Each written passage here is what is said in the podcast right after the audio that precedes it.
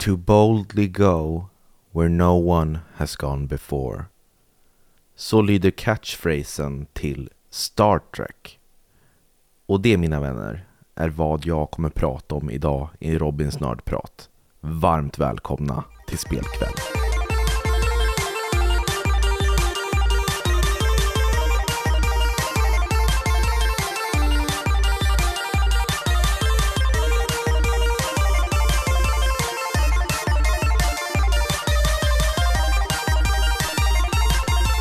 Sådär då, varmt välkomna ska ni vara till Spelkväll med Robin och Jakob och ett nytt Robins nördprat. Det var ett tag sedan och ni har hört av er och velat ha något nytt eh, avsnitt i den här serien. Så jag tänkte säga, jaha, vad kan vi prata om? Eh, och så kom jag på att ja, men jag har inte pratat om Star Trek-spelen och eh, hur mycket jag älskar Star Trek. Eh, för det tror inte jag att jag har nämnt någonsin i Spelkväll tidigare. Jag är en sån stor Star Trek-fanatiker eh, som kanske har svalnat de sista åren. Men eh, alltså, jag kan inte få nog av att börja titta på ett Star Trek-avsnitt eh, så måste jag se hela säsongen och så vidare.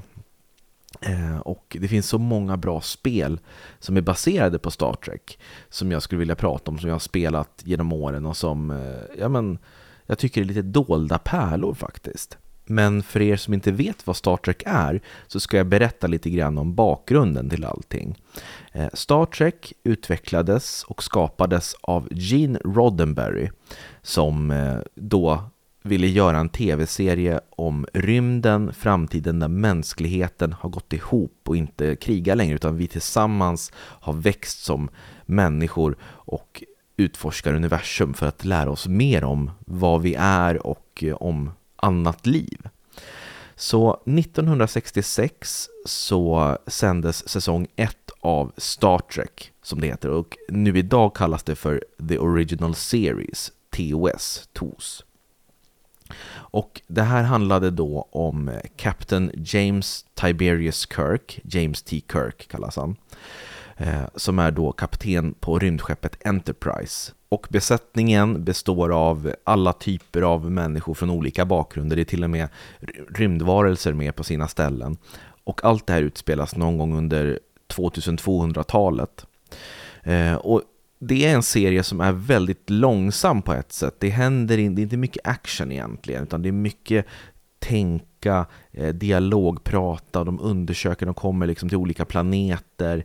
Eh, det är inte vanliga följetonger egentligen, utan det är alltid liksom en ny plats varje vecka till ett nytt uppdrag och det är väldigt sällan de gör avsnitt som liksom är länkade ihop, utan de kanske refererar till något någon gång, men annars var det liksom att man alltid fick ett nytt avsnitt och kunde börja titta från scratch och inte behövde titta förra veckan egentligen. Och jag älskar konceptet med Star Trek för att det tar alltid upp stora frågor på ett ganska lättsmält sätt ändå, fast att ja, man hänger med utan att det känns för tungt, tycker jag i alla fall. Och eh, några av James Kirks eh, bästa vänner då, det är doktorn, skeppsdoktorn som heter Leonard McCoy, eh, kallas för Bones. Eh, och sen så är det han som är liksom högra handen, Spock som är en Valken. Han kommer från planeten Valken, han har spetsiga öron och han eh, använder logik framför känslor. Men hans pappa är helvalken och mamman är människa.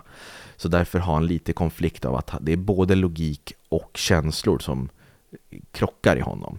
Men han försöker liksom dölja de här känslosidorna, människosidorna hos sig för han tycker det är lite fult. Det är finare att vara valken och mer logisk. Så han är väldigt lugn, eh, tänker efter och så vidare. Eh, och de här åker ut på olika äventyr som sagt. Och det är bara en fantastisk eh, värld och det är en hoppfull framtid. För många science fiction-serier som kom runt den här tiden och, och, efter handlade mycket om att det hade gått åt helvete för mänskligheten. Att det kanske var kärnvapenkrig och det är krig och alla dör och det är mörkt och så vidare. Men här var det ljust att vi tillsammans på något sätt kan hjälpas åt. Men tyvärr blev det här ingen succé i Amerika, eh, för folk ville komma hem efter jobbet och titta på något hjärndött som man inte behövde tänka.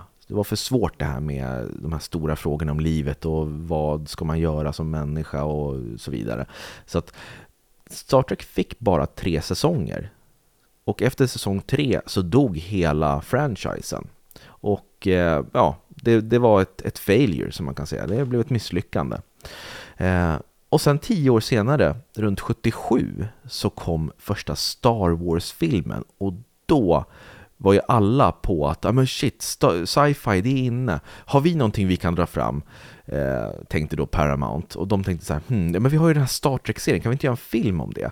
Och så kom det en film som heter Star Trek The Motion Picture, som brukar kallas för The Slow Motion Picture, för att den är så långsam och tråkig och den är liksom ingenting av vad Star Trek var. Den, den bara fokuserade på specialeffekter och det var tråkig och ingen karaktär hade några av sina, sina kända karaktärsdrag och så vidare. Kirk som är lite, ja men, lite rebell, eh, Spock som är väldigt logisk och så McCoy som är väldigt så här, äh, vad fan, livet suger och ah, allt är dåligt och så vidare. Och den här slow motion picture, den blev väl ganska sedd ändå, även ifall de flesta inte gillar den så hade man åtminstone fått tillbaka Star Trek, de som gillade Star Trek. Så att då tänkte man att vi gör en till film och det här blev ju den bästa filmen i hela serien nästan tycker jag, som heter Star Trek 2 The Wrath of Khan, som tar en skurk från originalserien och sätter in honom som eh, huvudskurk i filmen. Och vi fick klassisk Star Trek-känsla. Det var spänning, det var lite humor, action, romantik och det här tänka stora tankar och så vidare. Och jag tycker det här är en fantastisk film. Och sen så rullade det på, vi fick massa uppföljare, så kom det andra tv-serier, Star Trek The Next Generation som utspelar sig hundra år efter Original Series. Vi fick Star Trek Deep Space Nine som handlar om att de är på någon form av eh, stationär rymdbas istället för att åka runt hela tiden med, med nya eh, besättningar. Star Trek Voyage då det är ett rymdskepp som hamnar långt borta åt helsike för att de hamnar i någon slags maskhål tror jag det är. Och sen så nu finns det ju på Netflix för de som vill se Star Trek Discovery finns det en massa säsonger på. Det finns Lower Decks som är någon tecknad serie. Det finns hur många eh, Star Trek-serier som helst nu. Men innan det fanns det bara den här original Star Trek från 60-talet. Eh, och jag älskar ju originalet och den här Next Generation som kom på 80-talet. Det är de två säsongerna, eller serierna, som jag verkligen älskar. Sen så har jag ju sett de andra och tycker de är bra, men det är någonting med James Kirk och hans besättning som jag bara älskar. Och det är det som jag alltid har tänkt är Star Trek när någon säger Star Trek. Eh, och sen då när jag var liten, jag föddes 91, och runt 96 eller någonting så fick vi en dator, en Macintosh, en stor tjock svart grej eh, som var som en stor, stor, stor skärm som tog upp hela skrivbordet och i den, det var liksom, datorn var inbyggd i skärmen. Eh, där satt jag och pappa och spelade spel och det kom inte så många spel till Mac då i alla fall, eller som vi hade råd med. De flesta kom ju till PC. Så vi tog ju vad, vad vi kunde hitta liksom. Och pappa jobbade ju på något IT-ställe och där hade de en limiterad utgåva av Star Trek The Judgment Rights. Så jag och pappa, som även han är en trekkie, som det kallas när man gillar Star Trek, vi började ju spela det här tillsammans och det här var utformat som den klassiska tv-serien från 60-talet. Så det var sju banor tror jag det var, eh, som då var uppdelade som att det vore avsnitt från tv-serien. Så det var jättehäftigt att det var liksom ett intro på varje bana och så liksom skulle man åka ner till någon planet eller rymdstation eller vad det var. Hade man med sig ett crew och så skulle man prata och försöka lösa pussel och svårigheter. Det var ett klassiskt peka-klicka-spel där man kunde göra olika dialogval som påminner lite om Telltales spelserier. Eh, där man kunde påverka spelet och Eh, om man då till exempel ville att Kirk, som man främst spelade som då, skulle få en befordran eller få bästa poäng eller betyg för uppdraget, då skulle man göra det så diplomatiskt som möjligt. Man skulle undvika våld och mörda saker och ting och istället prata sig till att lösa konflikter och så vidare. Men man kunde ju också vara mer aggressiv och gå andra hållet och då fick man ju kanske sämre betyg när uppdraget var slut. Så att det var väldigt innovativt för att vara så pass gammalt det här spelet. Och det jag älskar med det här spelet är att originalskådespelarna från 60-talet represserar sina roller. Så det känns verkligen som att man spelar en inofficiell säsong 4 av Star Trek The Original Series. Sen, många år senare, så insåg jag att Judgment Rights var uppföljaren till ett annat spel som var ungefär likadant fast eh, sju andra banor som hette Star Trek The 25th Anniversary. Så att det här var som två spel, en duologi med sju banor var som då fungerade som säsong 4 av Star Trek The Original Series. Så det spelade jag då när jag upptäckte att det fanns. Jag visste inte ens om att Judgment Rights var en uppföljare. För det började som att det var en helt ny berättelse. Det var liksom ingen uppföljare, förstod jag det som då i alla fall. Eh, så de här två, de finns att köpa på gog.com till exempel för ja, under hundralappen och är absolut värda att spela om man är intresserad av Star Trek och vill testa på äldre peka-klicka-spel till dator. Så det, de kan jag verkligen, verkligen rekommendera. Sen finns det också såklart mer actiontunga spel i Star Trek-universumet som exempelvis Elite Force som utspelas ombord på rymdskeppet Voyager som då ja, är Voyager från tv-serien Star Trek Voyager. Och där får du spela som en man eller kvinna som heter Monroe har jag för mig. Och man är då en del av Elite Force, det här teamet som kallas in när man inte kan använda diplomati längre utan man måste peppra sönder allt för att lösa konflikterna. Och det här är då ett renodlat First Person Shooter i Star Trek-miljö. Och jag fullständigt älskade det här spelet när jag var liten. Jag och pappa satt och spelade det här och eftersom det var mer actionbetonat så tyckte jag att det var lite läskigt eftersom man kunde skjuta ihjäl saker och det kom fiender som var väldigt obehagliga, rymdvarelser och eh, det var liksom medlemmar i det här Elite Force som dog och man kände att wow, vad häftig upplevelse det här är. Så det var ju en väldigt stor kontrast kontra Star Trek Judgment Right som är väldigt långsamt, mycket dialog, tänka. Här var det bara peppra sönder allt som fanns. Och det kom även en uppföljare som heter Elite Force 2. Och det här har jag än till idag inte spelat. Jag tror att de här två finns att köpa på gog.com och det vore kul att spela igenom dem igen nu på senare år och se hur bra de håller kontra hur spelvärlden har utvecklats genom åren. Men Elite Force är i alla fall ett fantastiskt bra FPS och eh, ett av de bästa Star Trek-spelen som jag någonsin har spelat i alla fall. Men jag tror att om man ska utse det bästa Star Trek-spelet så tror jag att många skulle säga att det är Bridge Commander. Där man då får vara en kapten på en kommandobrygga på ett rymdskepp i Star Trek-universumet och ge order till alla ombord vad de ska göra, för att man ska lösa de här uppgifterna. Och då åker man inte ner på planet utan man sitter i kommandobryggan hela spelet. Och där man då får säga åt eh, den som kör skeppet att ja, men, eh, kör den här hastigheten. Eh, du där som har hand om vapnen markera fiendeskeppet och så skjuter du fotontorpeder och så vidare. Och jag kör, kontakta dem och säg det. Så att man fick verkligen den här stora känslan av att jag styr det här skeppet och ger order. Och ifall jag inte är snabb och gör de här besluten som jag måste i de här kniviga situationerna, då kommer det gå dåligt. Och det här satt jag och spelade som en galning också med min pappa. Så att det var de här peka-klicka-spelen, Judgment Rights och 25th Anniversary som är mer liksom tänka, dialog, eh, tunga. Sen var det Elite Four som var bara peppra hjärndött, ungefär som Jakobs hjärna i princip. Och sen så Bridge Commander som är det här taktiska, lite strategitänket. Så att det finns liksom många typer av genrer inom Star Trek-universumet när det kommer till spel. Och det är det jag tycker är så kul, för att Star Trek, det finns ju så mycket att ta av där. Och jag tycker att det är synd att det har dött ut nu på sista åren här, i alla fall spelmässigt. Det har kommit tillbaks, det har kommit nya filmer med nya skådespelare, eh, nya tv-serier. Men spelen verkar vara lite frånvarande. Det har ju kommit något som heter Star Trek Prodigy nu här i, i dagarna tror jag, eller förra månaden kanske, nu 2022. Men det är nog lite mer riktat åt barnen.